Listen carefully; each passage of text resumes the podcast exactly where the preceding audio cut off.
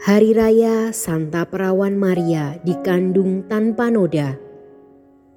Hari Kamis, 8 Desember 2022. Bacaan pertama dari kitab Kejadian. Bab 3 ayat 9 sampai 15 dilanjutkan ayat 20. Pada suatu hari di Taman Eden. Setelah Adam makan buah pohon terlarang, Tuhan Allah memanggil manusia itu dan berfirman kepadanya, "Di manakah engkau?"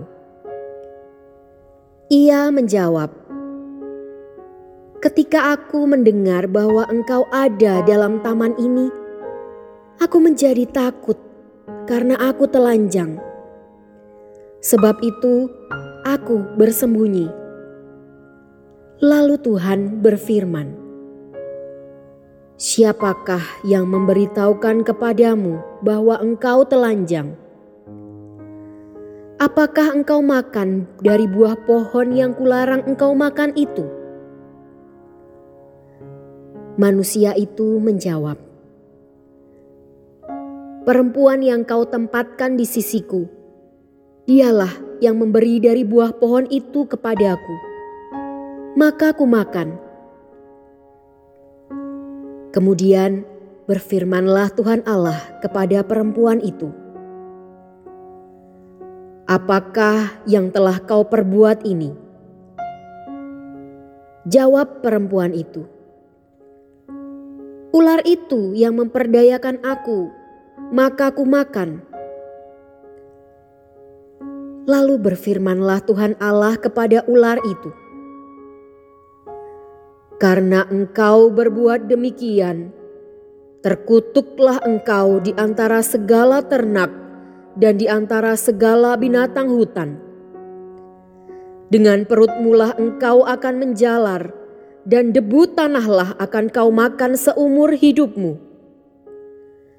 Aku akan mengadakan permusuhan antara engkau dan perempuan ini, antara keturunanmu dan keturunannya. Keturunannya akan meremukkan kepalamu, dan engkau akan meremukkan tumitnya. Manusia itu memberi nama Hawa kepada istrinya, sebab dialah yang menjadi ibu semua yang hidup. Demikianlah sabda Tuhan.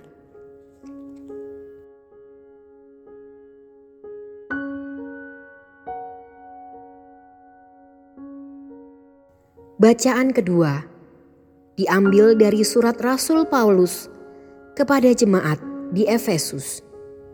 Bab 1 ayat 3 sampai 6 dilanjutkan ayat 11 sampai 12.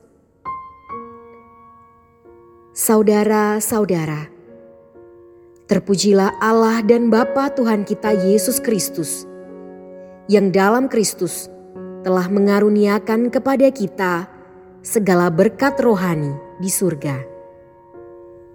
Sebab di dalam Dia Allah telah memilih kita sebelum dunia dijadikan, supaya kita kudus dan tak bercacat di hadapannya. Dalam kasih, Ia telah menentukan kita dari semula untuk menjadi anak-anaknya oleh perantaraan Yesus Kristus sesuai dengan kerelaan kehendaknya supaya terpujilah kasih karunia-Nya yang mulia yang dikaruniakannya kepada kita di dalam Dia yang dikasihinya. Aku katakan, di dalam Kristus.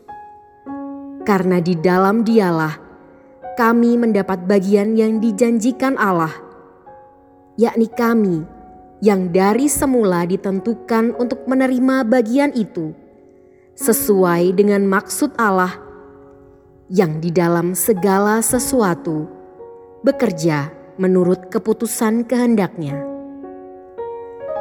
Dengan demikian, kami yang sebelumnya telah menaruh harapan pada Kristus, ditentukannya supaya menjadi pujian bagi kemuliaannya. Demikianlah sabda Tuhan.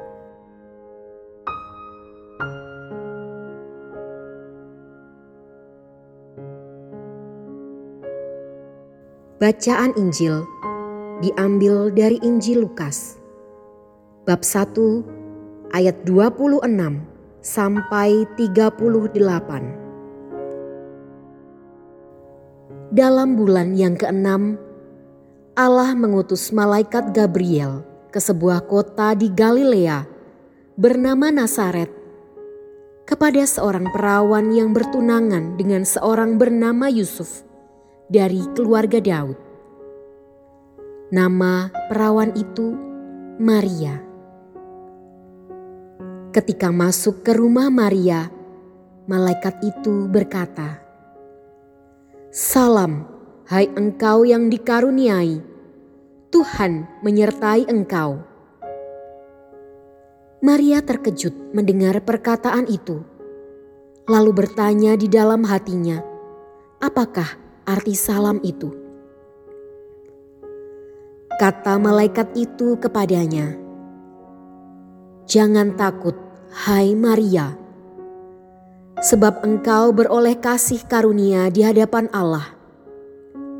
Sesungguhnya engkau akan mengandung dan akan melahirkan seorang anak laki-laki, dan hendaklah engkau menamai dia Yesus."